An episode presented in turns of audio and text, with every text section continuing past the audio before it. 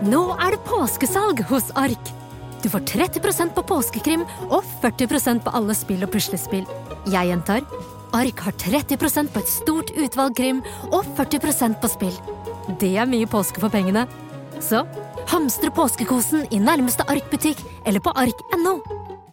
Og Der sier jo mange at eh, noe av det nyttigste de finner som etterlatte ved selvmord, det er andre som har opplevd det samme. Vi mennesker er jo så rare, for at smertefulle følelser Når vi får de, så, så er det noe inni oss som sier Å ja, er det sånn det kommer til å bli nå resten av livet? Mm. Og når vi får gode følelser, så tenker vi bare Å, den må jeg holde fast på, den må jeg holde fast på.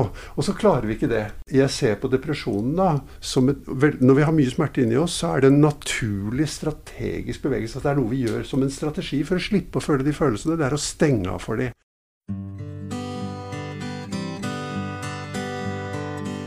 Da skal vi gå inn i den eh, siste delen med intervju med Kasper Seip og Nina fra RPS.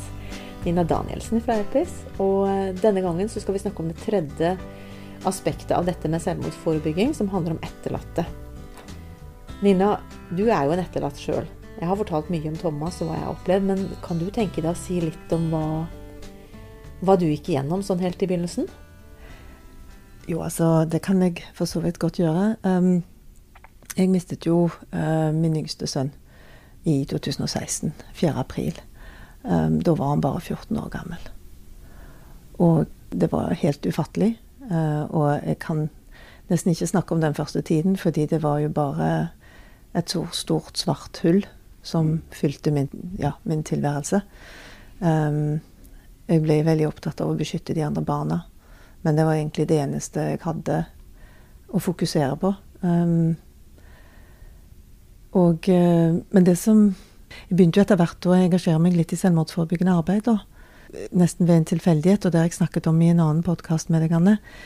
Men det som jeg syns er interessant med hensyn til det jeg har lært av um, Guro og Guru sine podkaster, og grunnen til at jeg var interessert i å snakke med Kaspar om urometoden, um, for, og om det med å være etterlatt ved selvmord, var det at jeg sjøl hadde, og fremdeles har, um, oppdaget at jeg har en, en sånn uromåte At jeg har uro, selvsagt, i forbindelse med min egen sorg. At av og til så Og det vet jeg andre snakker om òg, andre etterlatte. Der kom en sånn en bølge av sorg som kom over meg. Og den Nå er det liksom ja, fem år siden Daniel døde. Og fremdeles kommer de bølgene. Mm. Og de er jo ikke så overveldende som de var. Men jeg tror på en måte ikke de blir noe bedre enn det de er heller. Sånn er de nå. Men av og til så kom jeg i kontakt med en følelse assosiert med den jeg vet ikke, en slags sånn skam en, eh, jeg vet ikke, en, et sånn forferdelig jeg vet ikke hva, jeg har ikke noe ord på det, men en veldig, veldig veldig forferdelse over det som har skjedd. Forferdelse er nesten det beste ordet jeg har å sette på det. Og når jeg um, hørte på urometoden og ble, den, fikk den beskrevet og fikk kjenne etter, så har jeg merket det at det er det jeg kjenner. Jeg kjenner i brystet, så kjenner jeg det er der forferdelsen sitter. Og da kommer det en sånn rar lyd ut av meg.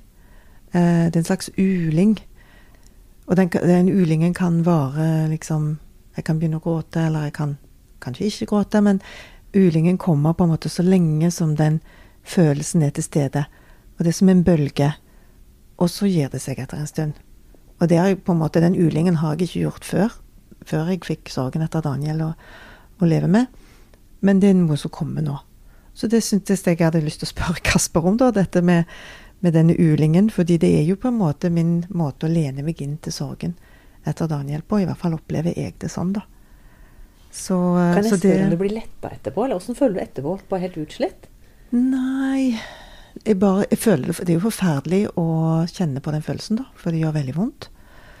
Og da, det er akkurat, det er akkurat som, å, som, å, skrike fordi du får vondt. Den ulingen, selv om det ikke er så høyt, det er jeg sikker på at naboene mine er glad for, men at uh, den ulingen kommer nett, nesten som en sånn intuisjon.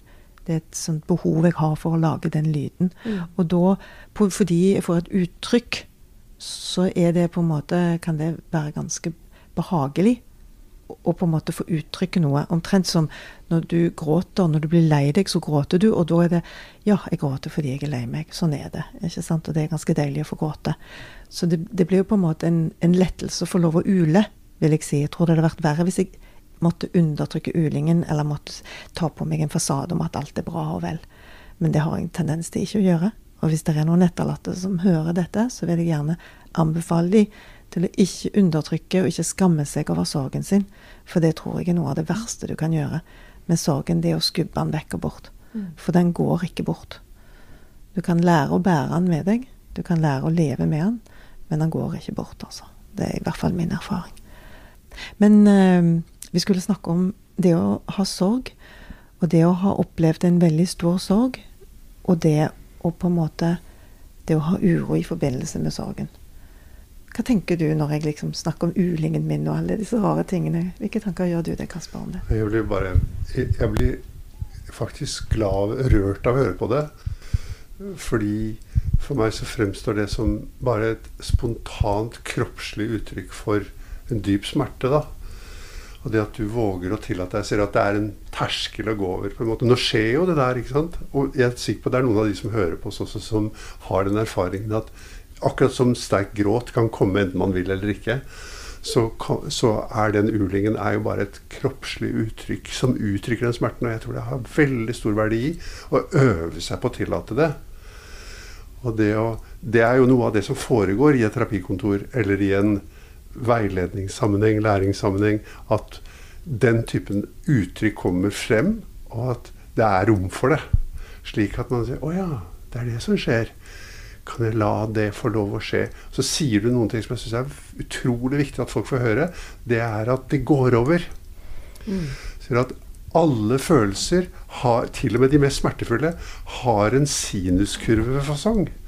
Det er ikke sånn at smertefulle følelser er der alltid. De kommer og går. Saken er den at jo mer vi tillater de, jo brattere vil den kurven være. Både opp og ned. Og jo mer bremser vi setter på dem, jo slakere vil den være, og lengre vil den være.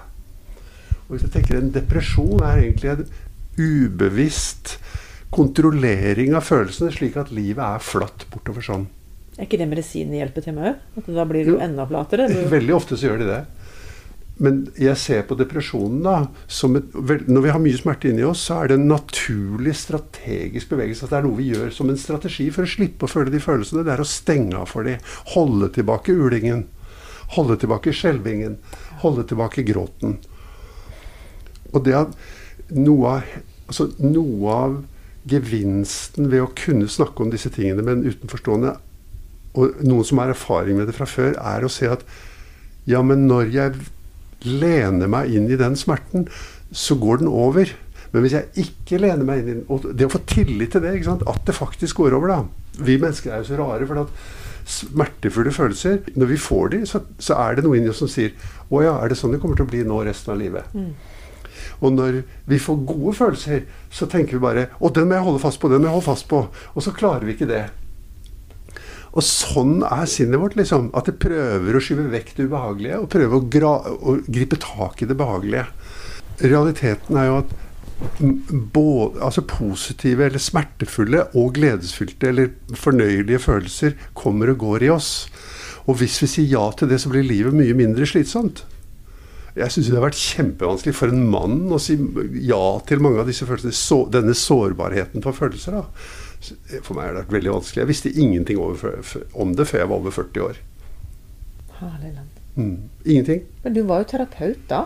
Allerede? Ja, men jeg visste ikke om følelser. Jeg drev med kroppen. Ja. Jeg var fysioterapeut. Ja. Ja. Skjønte ingenting av det, jeg. Men det var veldig nyttig for meg å jobbe med kroppen. mulig sånn, Men jeg ser jo at min forståelse av det er helt annerledes nå. At disse tingene som Nina snakker om, er dype kroppslige ting.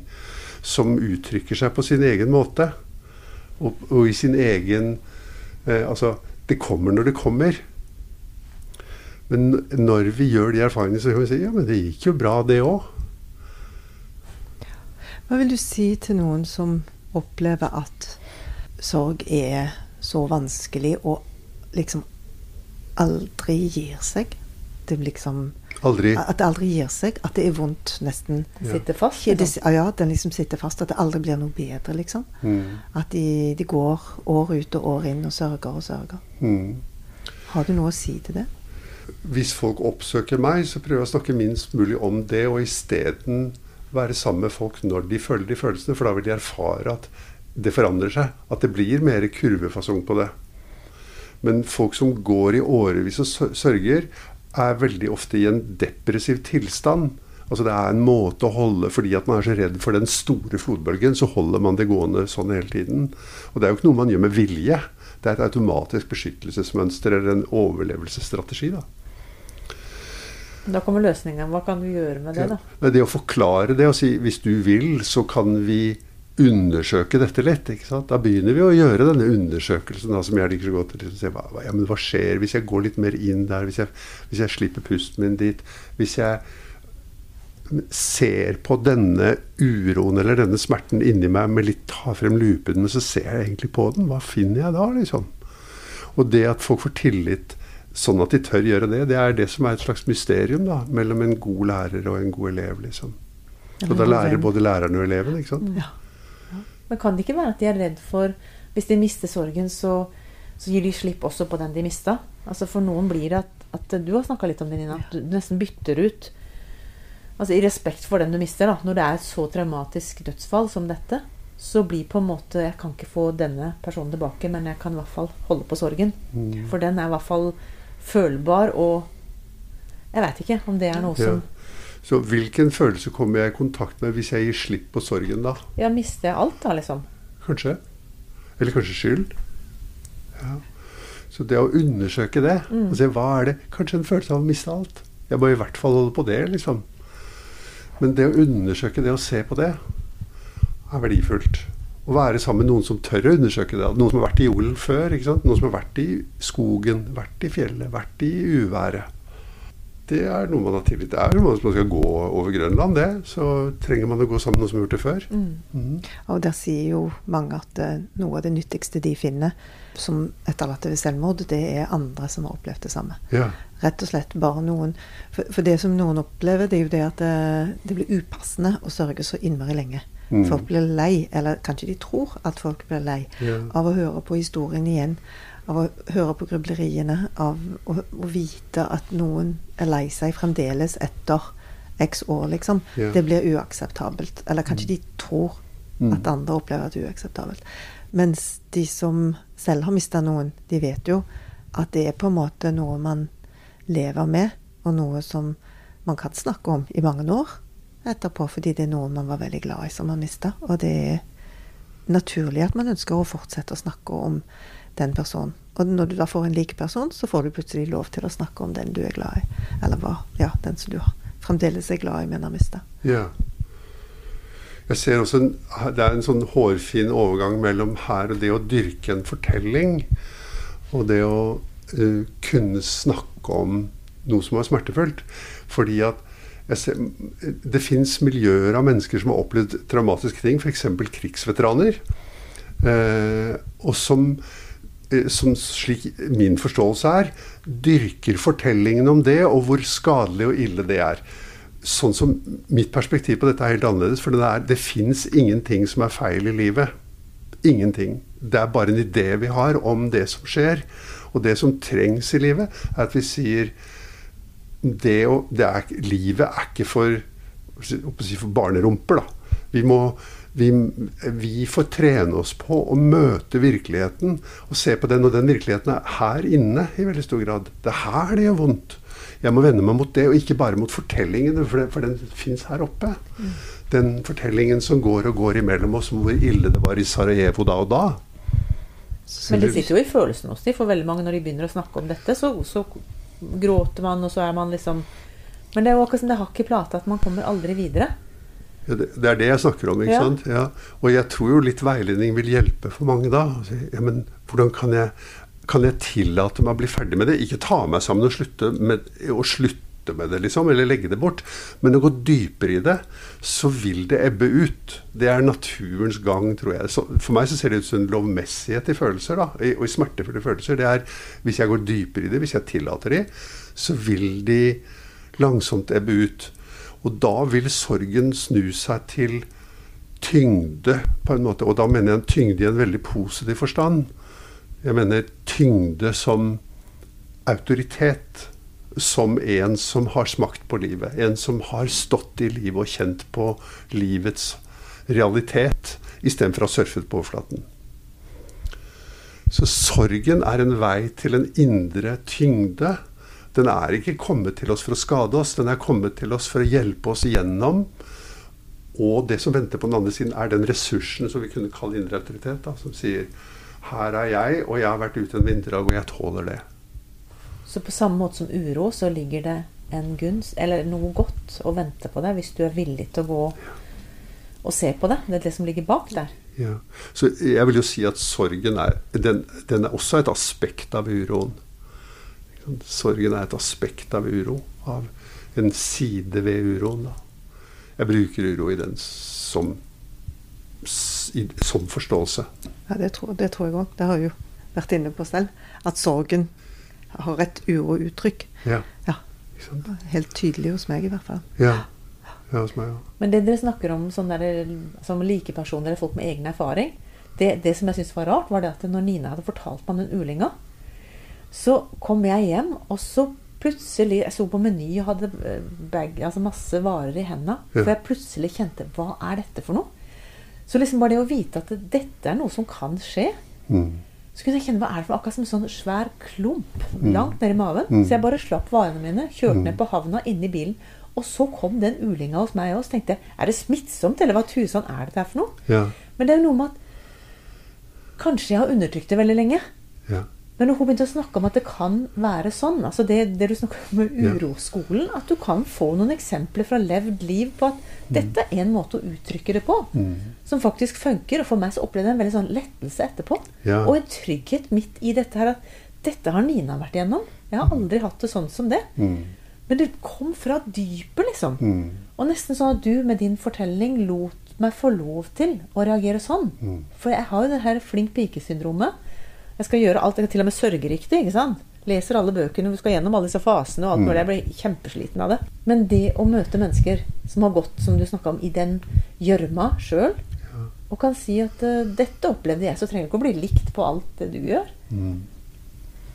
Så det å få noen sånne levende historier fra mennesker. Mm. Som du sier, du møter Du møter de elevene dine som kommer hit.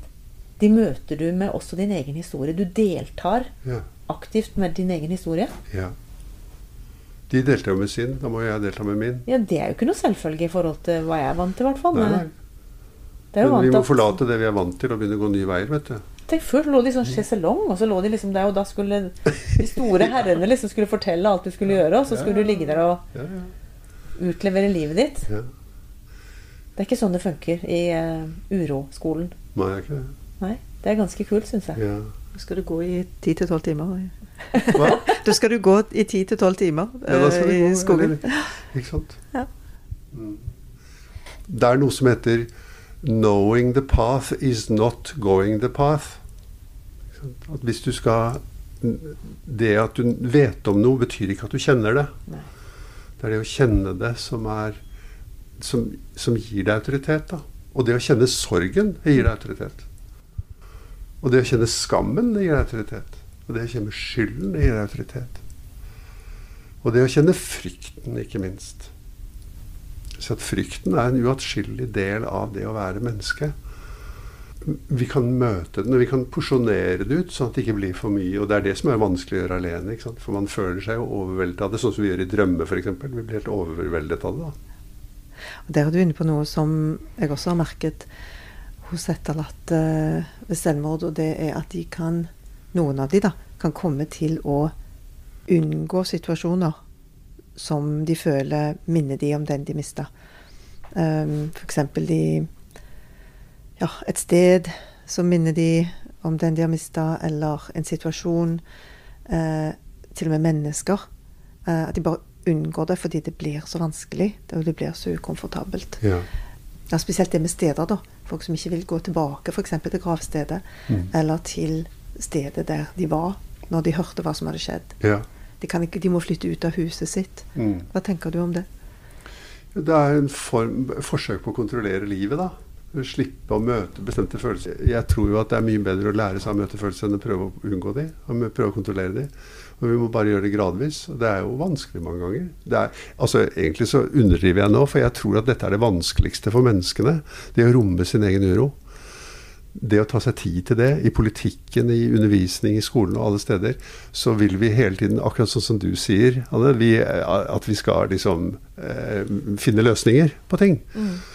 Og resultatet er at vi hele tiden finner på nye løsninger som ikke er bærekraftige.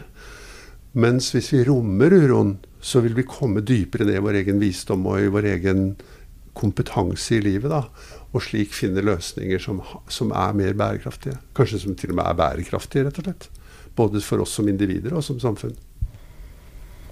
Veldig dypt. Vi kunne egentlig ha sittet her til langt utpå kvelden, men hvordan kjennes det ut for dere med Tror du vi har fått inn eh, en del innspill nå på disse tre episodene i forhold til både forebygging, det å være midt oppi i en situasjon hvor du har selvmordstanker, og også i forhold til de etterlatte? Jeg mener Vi må jo snakke litt om skyld når vi snakker om det med etterlatte, da. Ja. Før vi gir oss. Ok, da ja. kjører vi på med det. Syns ikke du det, Absolutt. Ja. Veldig viktig, uh, viktig tema, Kasper. Ja. For det er nesten helt uunngåelig at når noen tar livet sitt, så vil de som står rundt, føle skyld da, for at ikke de har gjort F.eks. for at de ikke gjorde mer. Eller burde gjort no vi burde ikke sagt det vi sa, eller vi burde sagt noe mer. Eller mm. vi burde hjulpet mer. Eller Jeg har hatt det sånn selv, da. Eh, at jeg har følt det sånn. Eller jeg har gjort noe feil, ikke sant. Ja. Sagt noe feil. Og mange sier jo til meg jeg er så redd for at hvis jeg sier noe, så vil jeg gjøre det verre for vedkommende. Så skyld er en stor greie for etterlatte etter selvmord. Og den skylden er bare en følelse, den også. Og, å, og vår Eh, altså Vårt mønster i å håndtere den skylden er vanligvis å diskutere hvorvidt den er rimelig eller ikke. Ja, begrenset tro på verdien av det. Eller det har begrenset verdi. Det som har verdi, det er å si det å føle seg skyldig når noen dør, det er men totalt menneskelig og helt uunngåelig. Og du må lære deg å ta den skyldfølelsen opp i ryggsekken din og bære den med deg. Så, ja, sånn er det. Den følelsen er smertefull. Og istedenfor å diskutere innholdet, for det er helt umulig å vite. Ja. Det er helt umulig å vite. Så er det slik at å være etterlatt etter noen som har lidd, og som har tatt livet sitt eller Også etter noen som har lidd. ikke sant? Du kan tenke dere folk som har lang uh, psykiatrisk løpebane. Det er lett å føle skyld da også. Mm. Nesten um, umulig å ikke gjøre det. Så er løsningen den er å si ja, sånn er det å være pårørende til noen som lider. Det er å føle skyld. Jeg hadde en søster som var funksjonshemmet, hun er død nå, men som led veldig mye gjennom hele livet sitt, for hun var så syk størstedelen av mitt liv har jeg forsøkt å komme unna den følelsen av skyld som jeg hadde som hennes bror. Fordi jeg ikke gjorde nok for henne. Men det har ikke hjulpet. Det har hjulpet mye mer å si å se vennlig på meg selv og si ja, eh, jeg er et helt vanlig menneske, og jeg gjorde, sånn, jeg gjorde det beste jeg kunne, for det er nesten, gjør nesten alltid mennesker. Det er jo veldig lett å bebreide seg selv for at man ikke gjør det beste man kan, men realiteten er at nesten alle mennesker gjør det alltid. Og det medfører skyld å ha, være nær et menneske som lider. Og da må jeg ta den skyldfølelsen og bli veldig kjent med den. Og da bærer jeg den forholdsvis lett. Noen ganger er den tyngre, men for det meste sier jeg ja, der er den. Og den skal være med meg i mitt liv til jeg dør. For sånn var det å ha en søster som var syk, og som led. Veien er alltid å vende seg mot det vi automatisk vender oss bort fra. Og da må man bruke viljen sin. ikke sant? Man bruker viljen og sier jeg må virkelig anstrenge meg og snu meg mot noe som jeg automatisk snur meg vekk fra. Sånn er det med skylden, sånn er det med sorgen, sånn er det med skammen. Og da kan de transformeres til ressurser, som vi sa. At det kan bli kjærlighet, medfølelse, handlekraft, vilje, humor. Det er jo noe som en opplever i etterkant. Jeg vet ikke hvordan ja. det var for deg, Nina. Vi hadde nesten skyldfølelse når jeg sto med jentene, og plutselig begynte vi å le av noe. Ja. Gulland, vi kan ikke le. ikke sant? Ja. For det forventes av mm. oss at vi skal være sånn og sånn. Mm. Men det andre jeg tenker, altså jeg, jeg, tenker jo så det koker her oppe når du, du snakker. For det, det, du har en ny måte og en ny tilnærming til mange ting. Så jeg syns jeg lærer mye bare å sitte og høre på deg. Mm. Og jeg er jo veldig sånn har tenkt at det er noe galt med meg siden ikke jeg klarer å sørge så mye som alle andre. Eller når vi, når vi har tema Ja. på sorggruppene, så har jeg liksom sånn derre klarer ikke å, kjenne så forferdelig skyld, jeg. Er det noe galt med meg som ikke kjenner så mye skyld? Men Mm. Ja. når du sier dette her, så kjenner jeg meg jo igjen at veldig mye av det som skjedde i etterkant, var jo at Altså En ting at Thomas sa det sjøl, det er ingen av dere som kunne ha visst. Jeg har ikke klart å fortelle det til noen. ikke sant? Det er ikke deres skyld. Det er jo mer deres skyld at jeg har levd så mange år, fordi at jeg har vært så glad i dere. ikke sant? Men sjøl også å kjenne på det at eh, jeg har faktisk gjort så godt jeg kunne i den situasjonen jeg var i. Som mor og som altså, Hadde jeg visst det jeg vet nå, så kunne jeg selvfølgelig handla helt annerledes. Og det har jo du også. Altså, vi har jo lært masse i etterkant. Ja. Men det hjelper jo ikke å gå der og bruke resten av livet på å være en eller annen skyldfølelse som skal bare begrense livet. For det er ganske rikt. Altså, jeg bare kom på en ting til også med første gang jeg var hos Nina. Nå leier jo jeg kontorer og litt sånn hos henne, og syns det er så rikt det, det fellesskapet vi har hatt. Og så så jeg et nydelig bilde av Daniel og ble helt rørt. ikke sant? Og tenker kul om denne gutten Hadde det ikke vært for denne gutten, så hadde ikke jeg møtt deg. Så hadde jeg ikke fått Mm. dette For jeg føler det er rikt, det livet jeg har nå. Ja. Og da, den der setninga med at det, det var ikke noe mening med at Thomas døde eller Daniel døde, men det er stor mening med at de levde, Mm. den syns jeg gjør kjempegodt. Ja. En trenger ikke bare å leite etter eh, mer skyld. Altså, vi har jo et liv foran oss også. Og det er jo det som jeg liksom tenker på. Hvordan kan vi gi etterlatte et håp og, en, og lov til å ha faktisk et godt liv videre også? Mm. Hvordan får vi det til? Mitt svar på det på uroskolen, det er ved å gå gjennom de følelsene. Når du går gjennom uroen, så vil du få håp. Så vil du få tilbake humøret ditt. Så vil, du vil få mer humør. Så vil du få tilbake alt det du lengter etter. Det som gjør livet rikt. da. Du må gå gjennom smerten, gjennom sorgen, gjennom skylden, gjennom skammen. Gjennom uroen. Og det gjør du ikke ved å tenke på uroen, du gjør det ved å føle eller sanse uroen slik den kjennes i din kropp. Men det er vanskelig å gjøre aleine. Er det ikke det? Jo, man må lære det. Ja. Det er derfor vi har skole. Ikke sant? Og den har vi, den skal vi sette litt sånn linker og sånt til, sånn at dere kan få med dere. For det er klart at nå er det jo en del av disse tankene kommer du jo med i den podkasten til Guro og deg. At man kan lære litt av metoden og tankesettet rundt mm. uroskolen. det. Ja. Så vi er iallfall veldig, veldig takknemlige. Kaspar, har du, har, har du noe mer på hjertet, forresten? Ikke som jeg kommer på akkurat nå. Ja, jeg har alltid mer på hjertet, men, ja. men vi kan jo bare lage flere episoder senere. Det er veldig hyggelig. Jeg tenker kanskje at vi må ta, ta ettermiddagen nå og så takke for at det, du har vært med, Kaspar, og satt av så mye tid til å gi oss innblikk både i uroskolen, i tankegangen din, i måten du møter mennesker på, som jeg syns er veldig, veldig fin. Og så takk til deg også, Nina. Jo, takk skal du ha, Anne. Ja, Dere har gitt meg veldig veldig mye, og jeg håper at vi har eh, lært litt av hverandre her i den settinga vi er. Er det ikke derfor vi er her? Jo, absolutt. Tusen hjertelig takk. Tusen takk. Til slutt har vi lyst til å fortelle deg hvor du kan få hjelp. Hvis du trenger akutt hjelp, må du ringe 113. Ellers kan du ringe Kirkens SOS, som er en døgnåpen krisetelefon. Du kan ringe Mental Helse, de er også døgnåpen. Og Leve kan du kontakte på nettet med leve.no. Det er en landsforening for etterlatte ved selvmord. Du kan også kontakte legevakten hvis det er akutt, på 116 117. Det er noe som heter Kors på halsen, som er Røde Kors sin eh, tjeneste. Det er en lavterskel samtaletelefon for barn og unge under 18. Så er det også stiftelsen Elpis, som gir mange ressurser og opplysning om selvmordsforebygging, og de arbeider for at selvmordsnære og deres pårørende skal få den hjelpen de trenger. Og stiftelsen Lillebrors minne har omsorg for etterlatte, og de har også en sånn sorgstøttetelefon på søndager. Alle disse kan du benytte deg av, og vi håper at du eh, blir med oss neste episode. Takk for nå.